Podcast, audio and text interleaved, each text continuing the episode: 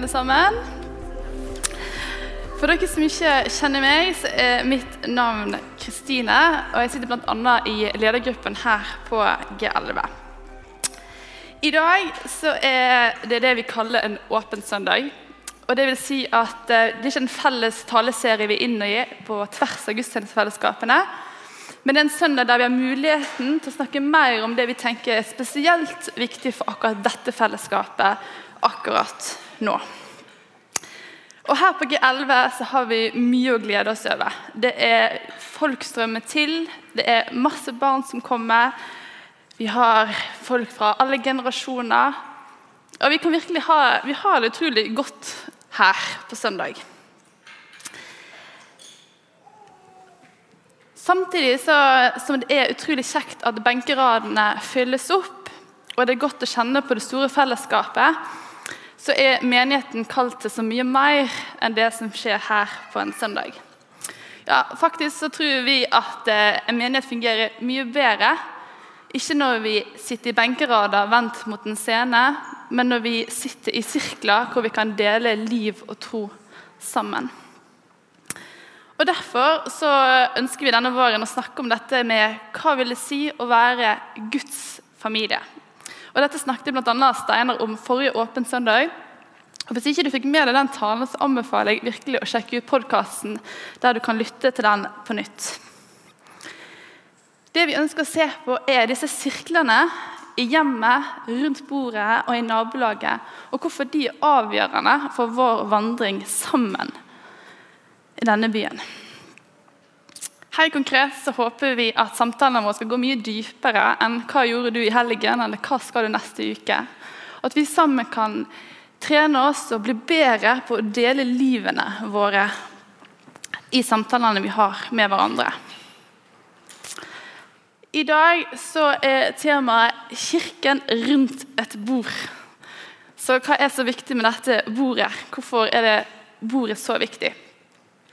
Jo, Store deler av Jesu virke og tjeneste skjedde rundt et bord, rundt et måltid. Ja, Det er faktisk så mye at eh, Jesus ble beskyldt for å være en storeter og en vindrikker. I Lukas 7, 34 så står det menneskesønnen er kommet, han spiser og drikker, og dere sier, se for en storeter og vindrikker, venn med tollere og syndere. Måltidet var en stor del av Jesus sin hverdag og sitt virke blant folket. Flere ganger kan vi se at måltidet var da Jesus talte og hadde noen av sine viktigste samtaler med sine disipler. I Johannes 13 kan vi lese om det siste måltidet. Eh, her deler de måltidsfellesskap sammen. Men det er òg her Jesus reiser seg opp og begynner å vaske føttene til disiplene. Og Jesus ønsker å fortelle om at han er kommet som en tjener, og at disiplene er meint til å følge hans eksempel. Videre I Johannes 21 så kan vi lese om når disiplene er ute og fisker uten å få noe fangst. Jesus står på stranden og sier 'kast notet på andre siden'. Mange kjenner historien, og notet fylles opp. Men så skjer det etterpå at Jesus igjen inviterer inn til et måltid sammen. Kom, la oss ha frokost sammen her på stranden. Og Etterpå det så kom det enda en kjent historie. Nemlig eh, der Jesus vender seg mot Simon Peter og spør Simon, sønn av Jonas, elsker du meg mer enn disse? Peter, som nylig hadde fornekta Jesus tre ganger, fikk nå oppleve Jesus' tilgivelse. Enda en gang så hører vi en viktig samtale som kommer i forbindelse med et måltid etter at de har hatt fellesskap sammen i en mindre gruppe. Ja, ikke bare i Jesu tjeneste så er måltid en viktig del. Leser vi videre om de første etterfølgerne av Jesus, så er igjen måltidsfellesskapet en viktig og sentral del av menighetsfellesskapet. Og Vi skal lese fra apostelgjerningene 2, 42-47. og Det skal vi få opp her. Kanskje? Der. Så bra. De holdt seg trofaste til apostlenes lære og fellesskapet, til brødsbrytelsen og bønnene. Hver og en begrepet ved ærefrykt, og mange under og tegn ble gjort av apostlene. Alle de troende holdt sammen og hadde alt felles. De solgte eiendommen sine og det de ellers eide, og delte ut alle etter hvert enkelt etter hvert en trengte det. Hver holdt de trofast sammen på tempelplassene, og i hjemmene brøt de brødet og spiste sammen med oppriktig og hjertelig glede.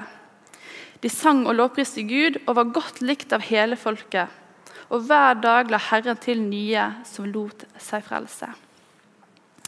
Her ser vi først at det er snakk om brødsbrytelsen. Og I dag har vi jo hatt delt nattverd, og det er jo akkurat det det henviser til.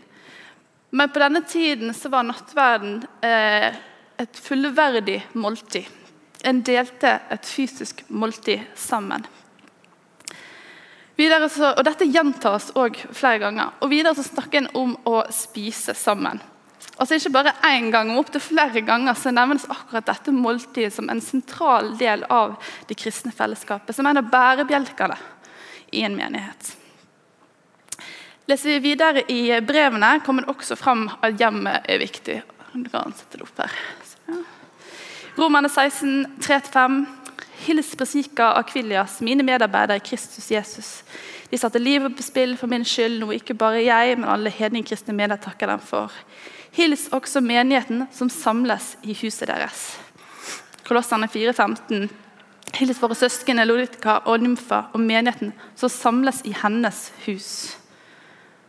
I Filemon 1-2. Pauli Kristi Jesu fange og vår bror Timoteus hilser vår kjære venn og medarbeider Filemon, vår søster Pia og vår stridskamerat Rikubos, og menigheten som samles i ditt hus. For de første kristne var hjemmet viktig og en sentral del av menigheten. Jeg vet ikke om du tenkte noe særlig over når du kom inn her i rommet i dag, på hvordan dette bygget er bygd, eller elementer som er på denne gudstjenesten. Vi kan veldig lett ta disse elementene og tingene og rommet og strukturen vår for gitt. Men ser vi til det første århundret, så var det hjemmet der de møttes. Hjemmet var der de bygde fellesskap, der de delte tro sammen. Som igjen ble forsterka av den forfølgelsesaspektet som de hadde rundt seg. Men gjennom historien så ser vi at denne Jesusbevegelsen den har vandra fra hjemmet eh, til større grad til å bli en global bevegelse der en i større grad møtes i egne bygg. Altså i, i rundt 300 år så var bordet og måltidet fokuset når kristne møttes.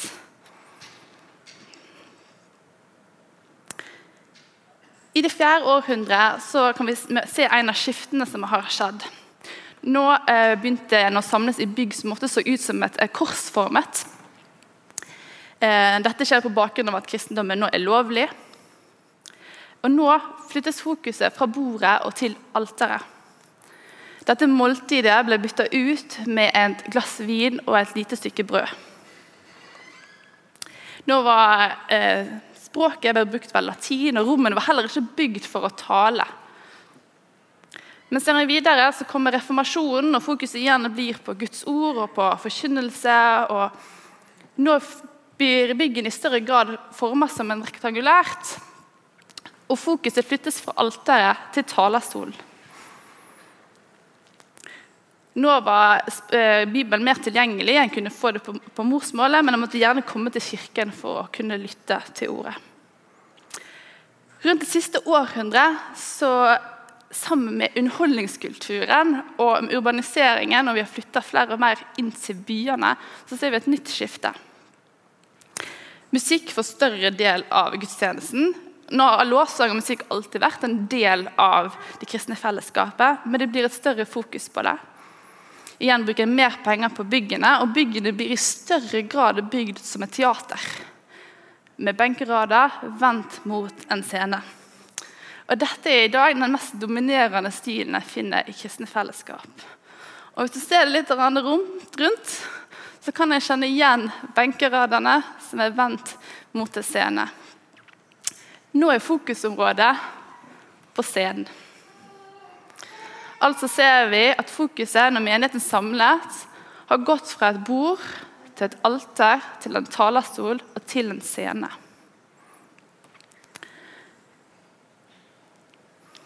Så hvorfor er dette så viktig? Utviklingen av rommet vi er i i gudstjenestekulturen, har utvikla seg gjennom historien. Og den fortsetter er i bevegelse. Og Når vi ser på disse skiftene, så er det ikke for å kritisere, men for å skape bevissthet. For dette gudstjenestefellesskapet det har en enorm verdi. Det er godt å kjenne på et større fellesskap. Her kan vi få lov til å lytte til forkynnelse. Her kan vi få lovprise sammen i en større sammenheng. Vi kan få be sammen og for hverandre. Samtidig så er det fallgruve. For hvis fokuset blir på scenen, så er det mye lettere for oss å lene oss tilbake og tenke at jeg er her for å bli underholdt, fremfor å vandre sammen og dele troen sammen. Så er kanskje stikkord akkurat 'sammen'. For Vi som kristne vi er kalt til å være familie. Men hva innebærer egentlig det? Når vi snakker om kirken som familie, og dette var Steinar inne på i sin tale, så blir vi utfordra i måten vi tenker på, på familie. For når vi tar imot Jesus og når vi velger å følge han, så utvides vår familie. Ja, ikke nok med det. Jesus utfordrer oss til å sette Guds familie, altså de som følger Guds vilje, fremfor vår biologiske familie. Og I dagens samfunn, der individualismen står sterkt, timeplanene er ofte fullbooka, så er det veldig lett å tenke at jeg har mer enn nok med meg og mine. Samtidig så tilhører vi denne gudsfamilien, som er kalt brødre og søstre. Uansett hva alder vi er, hva livssituasjon vi er i, hva, hvordan livet vårt ser ut, så er vi kalt til å være familie. Men bruker vi da tid sammen så mye at vi blir kjent med hverandre? Så mye at vi tør å dele ærlige liv? Bruker vi tid sammen som bygger relasjoner, som igjen kan gjøre at vi kan få vandre sammen og hjelpe hverandre til å vandre med Gud? Og Jeg tror ikke det er uten grunn at det å spise og drikke var en så stor del av Jesus i virket det at det var etter måltidene, eller i forbindelse med måltidene at Jesus hadde noen av sine viktigste samtaler med sine nærmeste. Nyere studier viser at familier som spiser sammen hjemme, er sunnere og lykkeligere. Altså Jevnlige fellesskap rundt et bord det er viktig for å bygge gode og trygge relasjoner.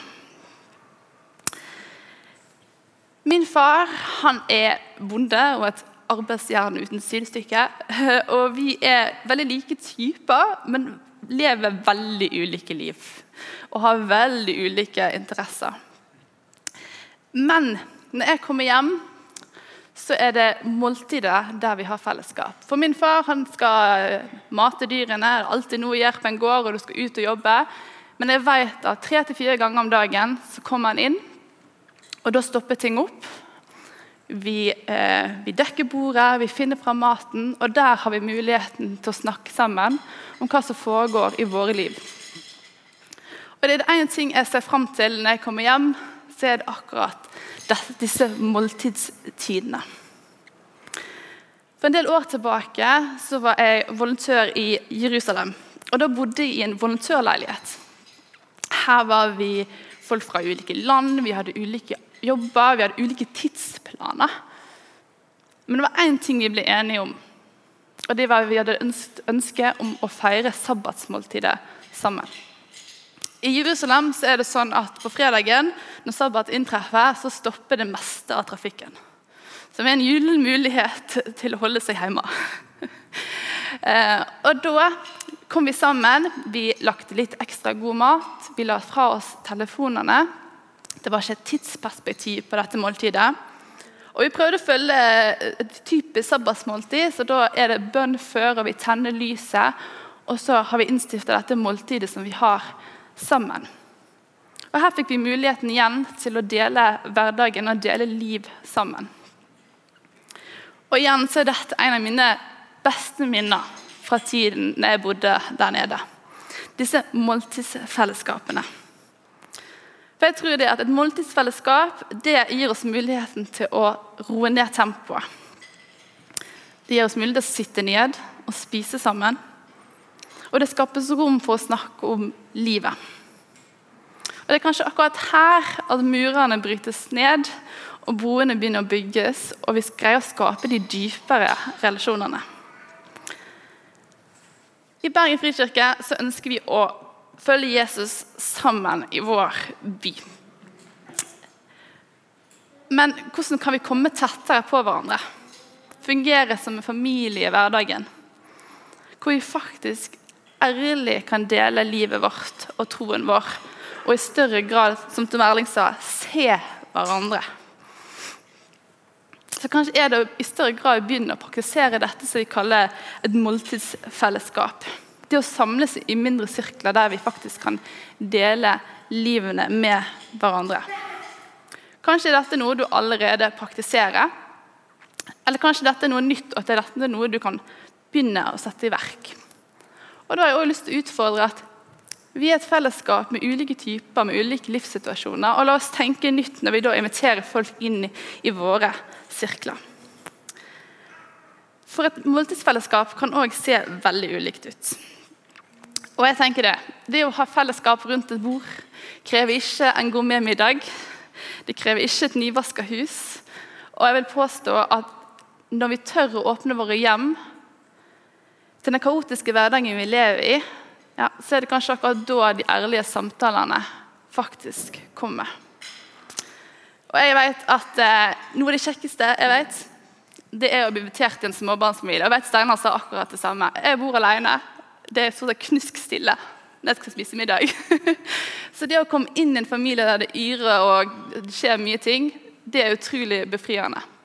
Og ikke nok med det, det at jeg kan få lov til å leke med barna, slik at foreldrene kanskje kan få litt ro til å lage middagen, føler at jeg også kan få lov til å bidra inn i familiesammenhengen.